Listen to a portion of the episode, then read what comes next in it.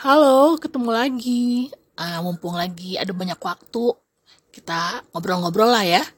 Nah, yang sekarang aku mau ngobrol ngobrolin um, sambungan yang kemarin lagi, My Pandemic Life. Uh, kemarin kan udah ngomong life without uh, asisten rumah tangga, terus kemudian kehidupan daring.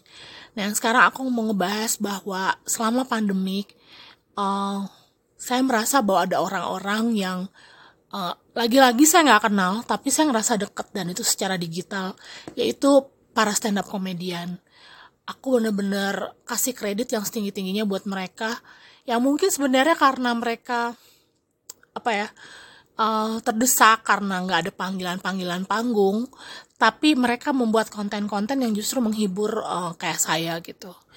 Uh, mereka adalah teman-teman saya menghabiskan waktu di rumah uh, saya tertawa bersama mereka.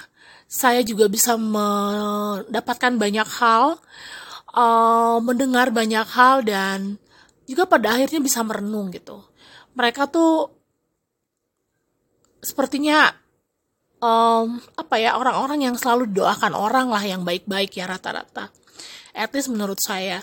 Karena mereka bener-bener menghibur orang gitu. Bener-bener memberi sukacita sama orang uh, saya nggak perlu sebutin namanya tapi begitu banyak acara di YouTube yang kayaknya timbul tuh karena pandemi. Lagi-lagi ya pandemi itu tuh satu hal yang kita nggak bisa kesel juga. Terus justru karena kalau nggak pandemi mungkin saya nggak akan banyak mengenal para para komedian ini gitu. Kalau nggak pandemi saya mereka mungkin nggak menciptakan uh, acara-acara yang justru tuh pada akhirnya jadinya membuat nama mereka keangkat.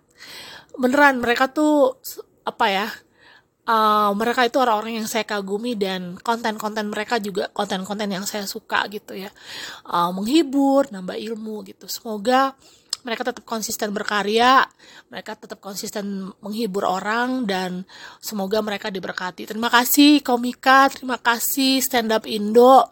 Uh, kalian luar biasa. Semoga perjalanan kalian akan terus panjang dan berkatnya banyak. Thank you.